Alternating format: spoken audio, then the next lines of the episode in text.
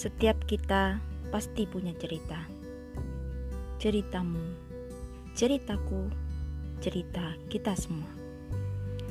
Bukan hanya cerita indah dan bahagia, namun juga cerita penuh duka menguras air mata.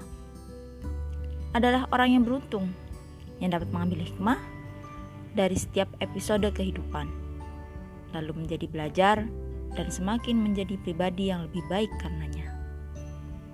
Di sinilah kita, Kay Diary. Kamu bisa mendengarkan kisah-kisah inspiratif, banyolan-banyolan yang segar, tips-tips bermanfaat, atau sekedar curhatan yang menghibur.